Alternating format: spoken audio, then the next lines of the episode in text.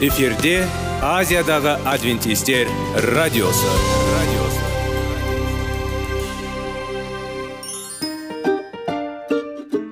сәлем достар. Денсаулық өмір бұлағы және біздің бірінші байлығымыз демекші денсаулық сағаты рубрикасына қош келдіңіздер. Біздің рубрикада біз әртүрлі факторларменен мәліметтерменен кеңестерменен бөлісіп шын жүректен сіздердің дендеріңіз сау болғанын қалаймыз. Сол үшін біздің рубрикаға қош келдіңіздер. Дайындалып тұрыңыздар. Өйткені келесі минуттарда қызықты фактілерге ие боласыздар. Енді достар ең бірінші байлығымызды қолымызға алып алға кеттік.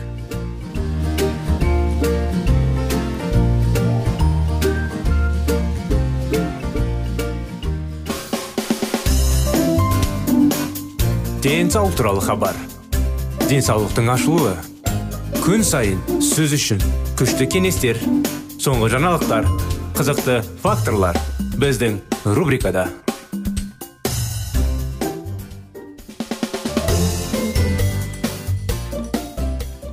достар саламатсыздар ма армысыздар құрметті тыңдаушыларымыз сіздермен бірге денсаулық сағат бағдарламасы қош келдіңіздер қытай зерттеулер тақырыбын бастаған едік өткен жолы соны ары қарай жалғастыра кетеміз өте маңызды тақырып біздің бағдарламаларды алыстамай бізбен бірге болыңыздар ары қарай кеттік қытай зерттеулері бұл ешкімді бейжай қалдырмайтын революциялық тақырып. Сіз колин кемплидің қатал ізбасары немесе шешілмейтін қарсыласы боласыз. Ұстанатын аққауыз диеталар күтеді. Қатыгез қайғылы және мен көріп тұрған жоқпын. Былай культуристті аямайтын тют бұл американдық қалай онда қатыгездіктер. Фастфудтың пайдасы туралы өз үкімдерін шығаратын тамақтану. Институтында не болатынын елестету тіпті қиын.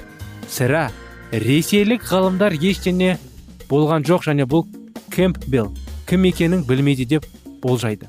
Ал өнімді өндірушілер үшін зерттеу нәтижелерін кідірту және бұрмалау бұл тек орыс қана емес сонымен бірге доктор кемпли жазғандай американдық шындық. Ол өнеркәсіп қауіпті ғылыми жобаларды бақылаумен ғана айналыспайды.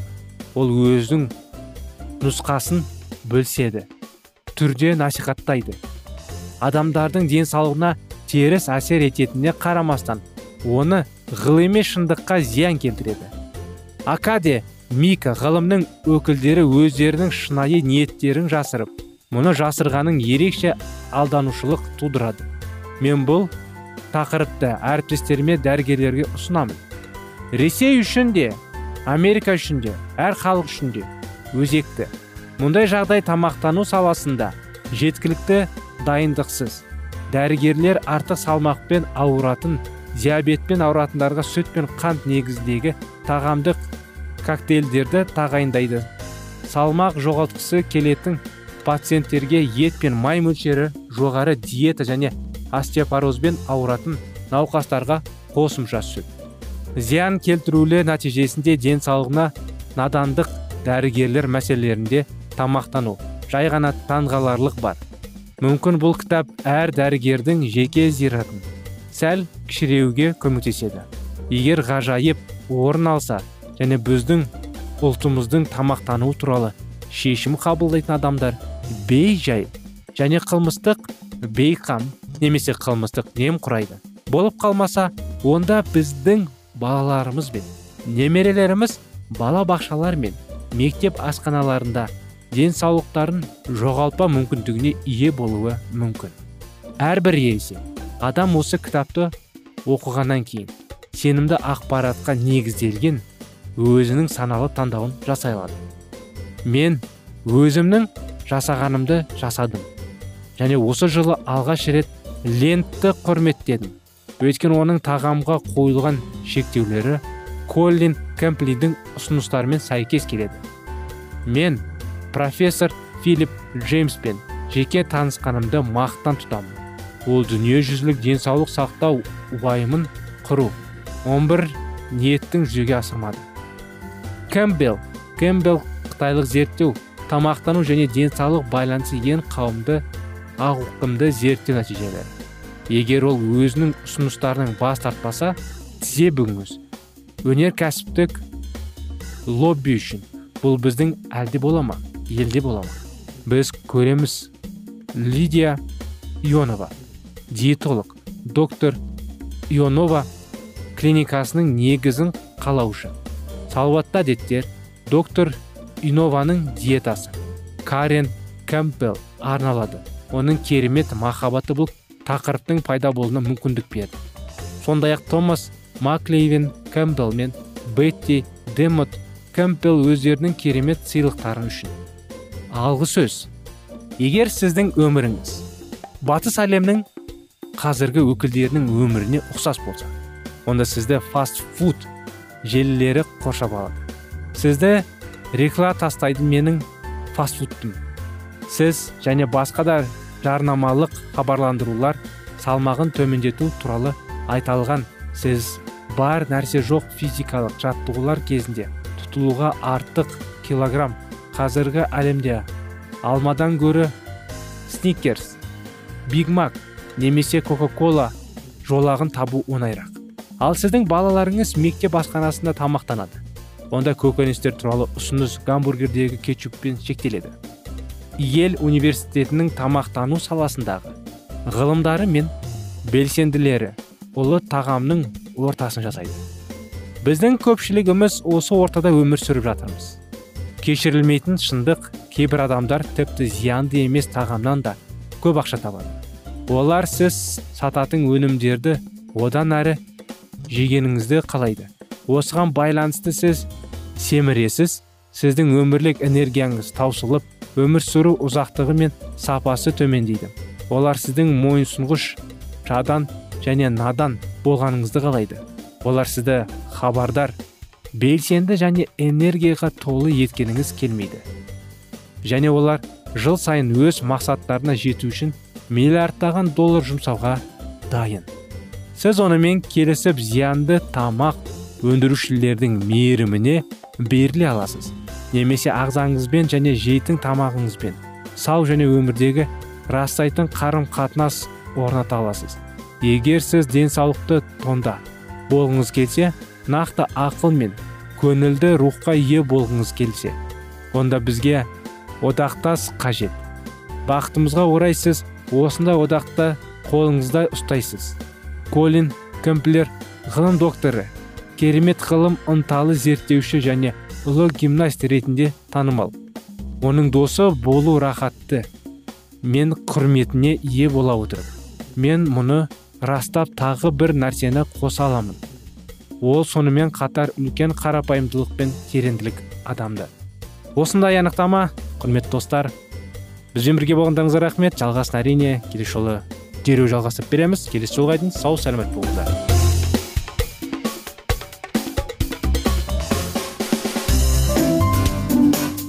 Денсаулық туралы хабар. Денсаулықтың ашылуы. Күн сайын сөз үшін күшті кеңестер соңғы жаңалықтар қызықты факторлар біздің рубрикада.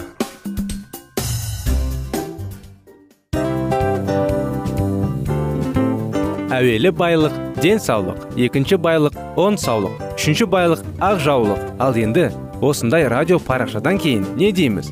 Барлықтарыңызға денсаулықтарыңыз зор болсын деп тілейміз. Денсаулықтың өзгеруі кішкентай нәрселерден басталады. Осымен біз берген кеңестер мен мәліметтер шын жүректен сіздер үшін қандай да бір болсын жәрдем берді деп үміттенеміз.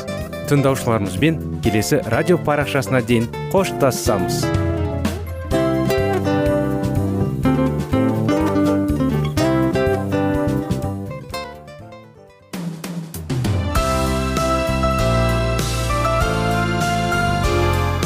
эфирде азиядағы адвентистер радиосы.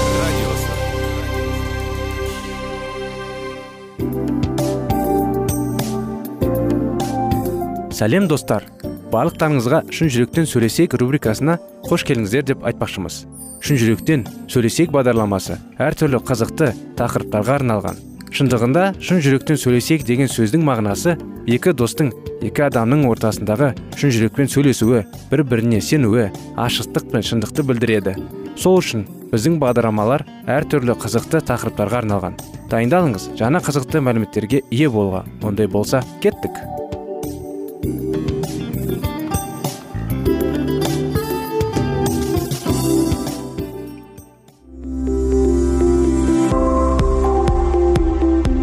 алтын сөздер. Сырласу. Қарым қатынас жайлы кеңестер мен қызықты тақырыптар. Шын жүректен сөйлесейік рубрикасында.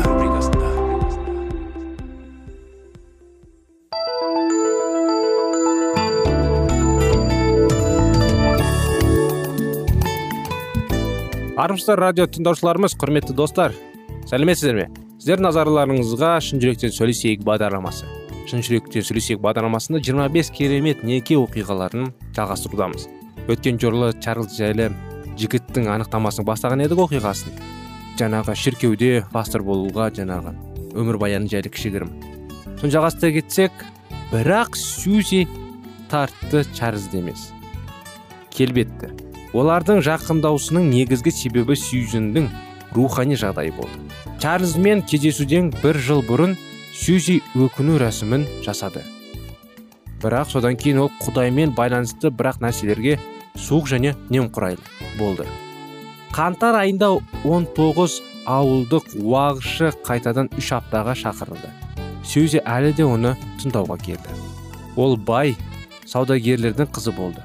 Ол ұстамдылық пен қадір қасиетке ие болды. Оны тәрбиелеу принциптерінің бір оған газеттерді оқуға және бейбітті оқиғалар туралы әңгімелерге қатысуға тыйым салған. Ал мұндай адамдардың арасында кейбір нәрселер туралы атап айтқанда өзінің рухани күйзелістері туралы айту қабылданбайды. Ал сьюзи көп алаңдатты. Ол алыс шіркеуде сол уақытта жас діни қызметкер чарльз спержен оған пилигрим саяхаты кітабын береді ол оған таң қалды. Кітаптың фарзатсанында былай деп жазылған. Мисс томпсон пилигримдің батасын алған ісінде ілгерілеу тілімімен. Өмірі осыныңда соңына дейін жалғасқан қарым қатынастар осылай басталды. Бастапқыда сьюзи чарльзмен сөйлесуден қорқады. Мүмкін қорқыныштан гөрі көп ұстамдылық болды. Сьюзи өзінің рухани мәселелерін талқылауға қиын болды. Бірақ оның қатысуы мен қызығушылығы чарльз көрсетті. Оның нұсқауы өз жемісін әкелді. Сьюзи бұл сипаттайды. Былай деп ол мені нәзік әкелді. Қалай енді бір керемет әлімге және кешірімге онда сол жылда менің жаныма тиген сияқты болды дейді. 1854 жылдың маусымында чарльз оған пилигрим саяхатын бергеннен кейін алты апта өткен соң олар сьюзимен және бірнеше басқа да келушілермен жаңа көрме залын ашуға аттанды. Барлық әзілдесіп күліп және тым ынтақ әңгіме байқаған сияқты. Шындап чарльз сұхбаттасқан бабына сьюзи ол оған қандай да бір кітапты көрсетті. Бұл мартин таппердің философиясы болды. Мен жақында бұл кітапты оқыдым деді чарльз. Сьюзи бұл қызықсыз көрінді философия туралы әңгіме үшін орын аз болды чарльз кітапты алдын ала атап өткен жерде ашты. Жазушының бұл пікірі туралы не ойлайсыз? Ол белгіленген үзіндікке қарады. Тарау неке туралы деп аталды. Ол құдайдағы жақсы әйелінің іздеңіз. Өйткені әйелі оның көргендігінің ең жақсы сыйы. Ойлан ол туралы сиініп ол туралы сенуіміз керек әрдайым. Сюзи тіпті чарльзге қарап алмады. Содан кейін ол құлаққа былай деді. Ал сіз күйеуіңіз болатын адам туралы дұға етесіз бе? Ол қызарып ештеңе жауап бермеді. Көп ұзамай залдың ашылу салтанатты бағдарламасы басталды. Бірақ ол шулы және мағынасыз көрініске назар аудармаған. Ол шын мәнінде ол бәлкім есте болды ма? Немесе ол оның сөздерін дұрыс түсіндірдім деме салтанатты бөлменен кейін чарльз оған көрме бойынша саяхат ұсынды. Осы сәттен бастап деп жазды сьюзи. Біздің достық ең нәзік махаббатқа айналды. Екі айдан кейін чарльзге кішкентай ескі сәнді паркінде махаббат туралы түсінік беру үшін кітаптар көмегіне жүгінудің қажеті жоқ еді. Мен бұл туралы білдім деп есіне алды сьюзи. Бірақ мүлдем басқа нәрсе одан есту. Кешке ол өзінің күнделігінде. Бүгін таңертең болған нәрсенің бәрін сипаттау мүмкін емес. Менің ғана. Үндемеуім оған қосылып алдында туған қол созған сияқты құдай мен оны мадақтап оның барлық оның сыйын мадақтау болды. 1855 жылдың қаңтарында бірінші кездесуден кейін бір жыл өткен соң ол өзінің күйеуі жігітінен су рәсімін қабылдады. Адамдардың алдында рухани әлемді ашу қиын болған сөзі үшін бұл өте ауыр сынақ болды. Ол сенімнің алдында әңгімелесуден өтуге сондай ақ өз көзқарасын жазбаша көрсетуге тура келді. Чарльз оның қалай ұстанатынын мақтан тұтады ал оның жазбаша жұмысы күтпеген көп болды. Чарльз ол туралы ойландың таңертеңгі көрді. Ол туралы бұрын ғана болжай алды.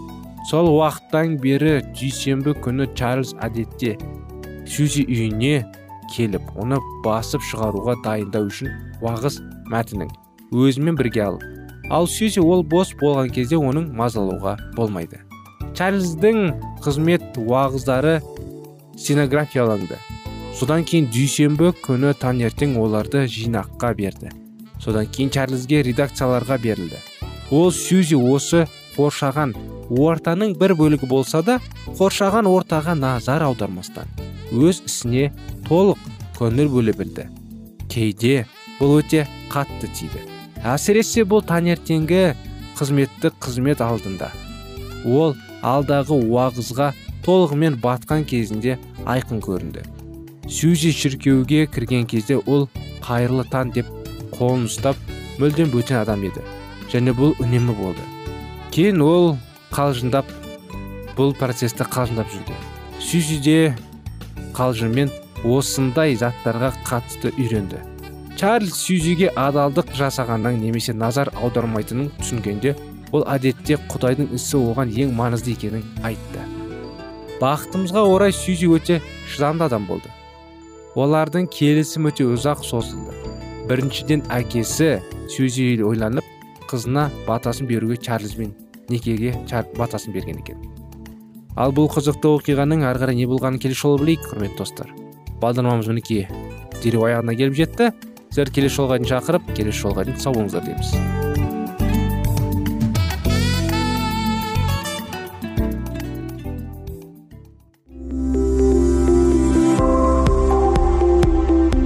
алтын сөздер. Сырласу. Қарым қатынас жайлы кеңестер мен қызықты тақырыптар. Шын жүректен сөйлесейік рубрикасында.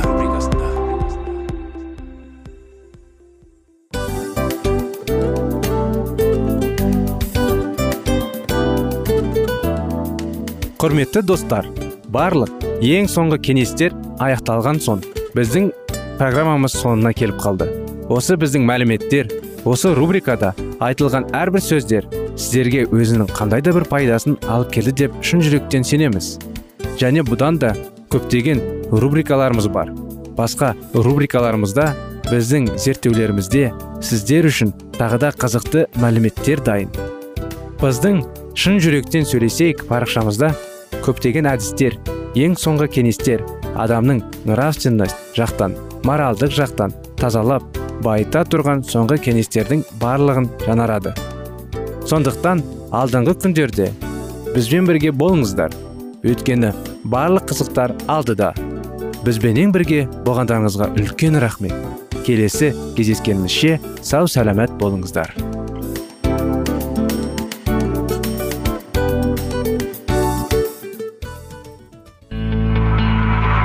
Жан дүниеңді байытқан жүрегіңді жаңғыртқан өмірдің мағынасын ойландырған рухани жаңғыру рубрикасы.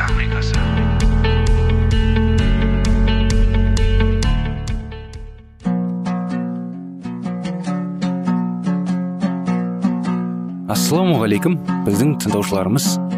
Келі кітаптың шындығын ашып берген қысқа бағдарламасына қош келдіңіздер. Барлығынан жоғары жаратушы біздің қарыңғылықта жалғыз қалдырып қойған емес. Өйткені ол келешекте не болу керек екенін киелі кітаптың парақтарында ашып береді. Немесе келіңіздер бізге қосылыңыздар. Жаратушы бізге нен ашып бергенін зерттейміз. Мұндай адамдардың саны қазірде аз емес. Шынында да ақиқатты уағыздаушы кімде кім заңға бағынуды тура немесе жанама түрде шегеріп тұрса заңның ең жеңіл деген бір тармағын қажетсіз етсе немесе оны түгелде алып тастаса ондай уағыздаушы жауапсыз қалмайды. Ізгі хабардың уағыздалуы құдай заңның барлық талаптарына сай келіп тұр деушілерге уэсли былай деп жауап берді. Бұл тұжырым қате. Қасиетті заңның ең негізгі талабы күнәқардың қатесін бетіне айту. Дозақтың шетінде қалғып тұрғандарды ояту секілді бөліктерінің өзі орындалып жатқан жоқ. Бұл жөнінде елші паул күнәқар екеніңді құдай заны арқылы ғана керек аласың дейді. Көріп адамдар өздерінің күнәқар екендерін мойындамай исаның қаны арқылы ғана тазара алатындарын түсіне алмайды. Құтқарушымыздың өзі де солай деген. Сені сауларға ем керек емес тек сырқаты барларға ғана емді қажет етеді. Шынымен де дені сауларға немесе сырқаттарын сезбейтіндерге дәрігердің көмегі ұсыну ақмақтық болып табылады. Әуелі оларға сырқатты болып барын дәлелдеп беру керек. Сонан кейін ғана ем ұсынылады. Жүрегі шын мәнінде қайғырып жан азабына түспегендер исаны қажет етпейді. Ондайларға исаның құрбандығын ұсыну ақмақтық осылайша өсли құдай заңның мәртебесін көтере отырып бар күшімен жігерін салып ізгі хабарды халыққа уағыздады. Ол құдайдың өзіне сеніп тапсырған ісін таянақты түрде орындай білді және еңбегінің жемісін де көрді. 80 жасқа келген уэсли жарты ғасыр уақыттың миссионерлік жорықтарда жүріп аллаға қызмет етуге жұмсады. Оның соңына ергендердің саны жарты миллионға жетті.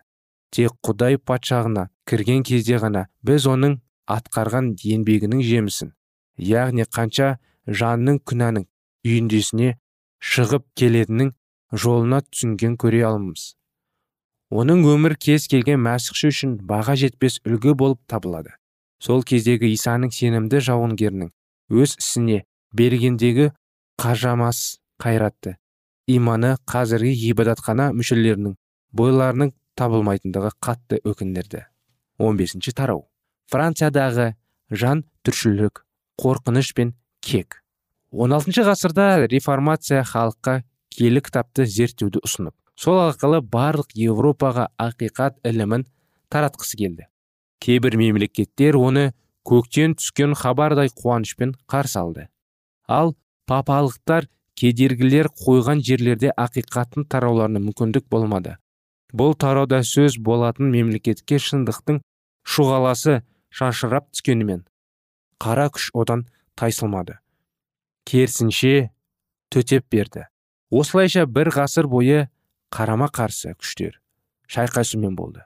Ақыры зұлымдық женіп шығып ақиқат түнекпен жабылып қалды. Адамдар жарықтан гөрі түнекті жақсы көріп соны таңдап алды деді пайғамбар. Не ексең соны урасын деген. Бұл халық қандай дәнді отырғызса соның жемісін көрді. Ақиқатты қабылдамаған адамдардан киелі рух алынып қойылды. Алла зұлымдықтың гүлдеуіне жол беріп және оның неге әкеліп тірейтініне оларға көрсетті. Жүздеген жылдар бойы киелі жазуға қарсы жүргізілген шайқас. Революция кезінде өзінің ең жоғарғы нүктесіне жетті. Римнің киелі жазбаны оқуға тыйым салғаның соны осындай қопарылысқа әкеліп тіреді. Бұл соғыс римнің халыққа жаттаққан ілімнің нәтижесін айқын көрсететін суреттеме болып саналды. Рим билік жүргізген кезде киелі жазбаны зерттеуге тыйым салынаны жайлы ежелгі пайғамбарлар арқылы айтылып кеткен болатын.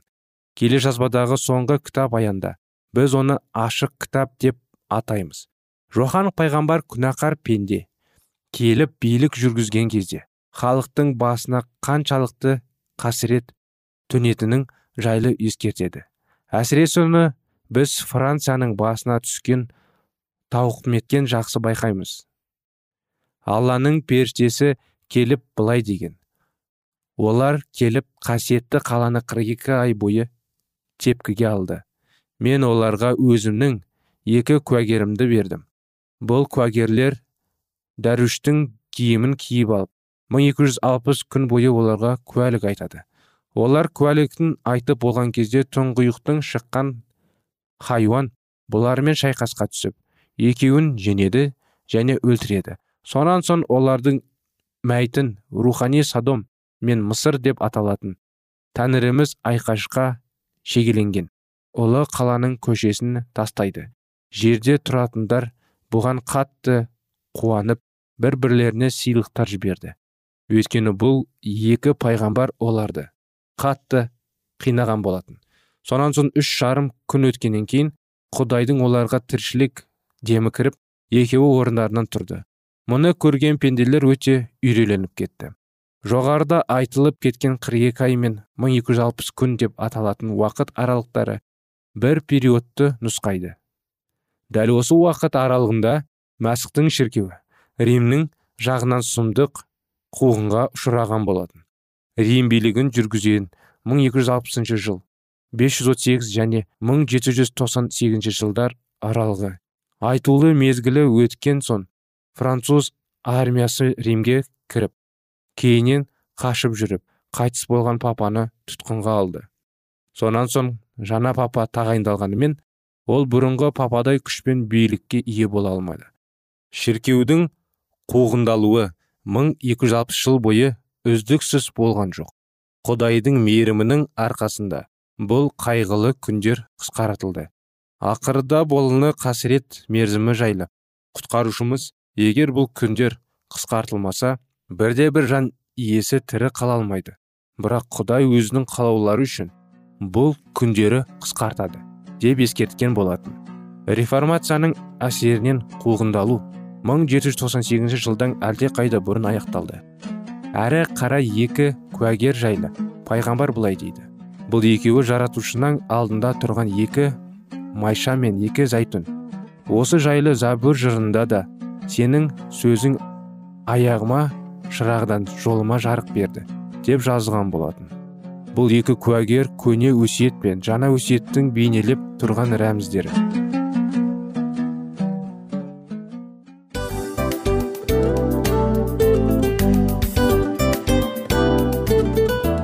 Мынау осы уақыт тез өтіп кетеді екен.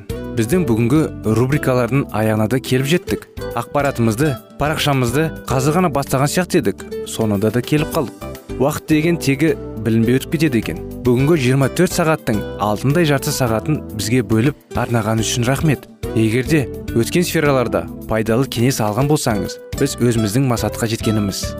Кеңестерді қолданам десеңіз өзгерістерді кішкентай қадамдардан бастап іске асыра беріңіздер де жасағандарыңыз үлкен үлкен жетістіктерге жете берсін. Шын жүректен әрбір берілген кеңестер сөздер сіздерге пайдасын әкеледі деп сенеміз. Сіздермен бірге кездесулерімізді сөзсіз түрде асыға күтеміз. Сәтті күн тілеп сіздер менің ұзаққа қоштаспай келесі кездескенімізше тек қана сау саламатты болыңыздар дейміз. Достар біздің бағдарлама бойынша сұрақтарыңыз болса әрине сіздерге керекті анықтама керек болса біздің whatsapp нөмірімізге хабарлассаңыздар болады. Плюс бір үш жүз бір жеті жүз алпыс алпыс жетпіс. Иә достар сіздер қателеспедіңіздер бұл біздің номерлерге ұқсас болмаса да бұл whatsapp номер арнайы. Хабарласыңыздар сұрақтарыңызды қойып тұрыңыздар. Анықтаманы алып тұрыңыздар. Плюс бір үш жүз бір жеті жүз алпыс алпыс жетпіс whatsapp номері.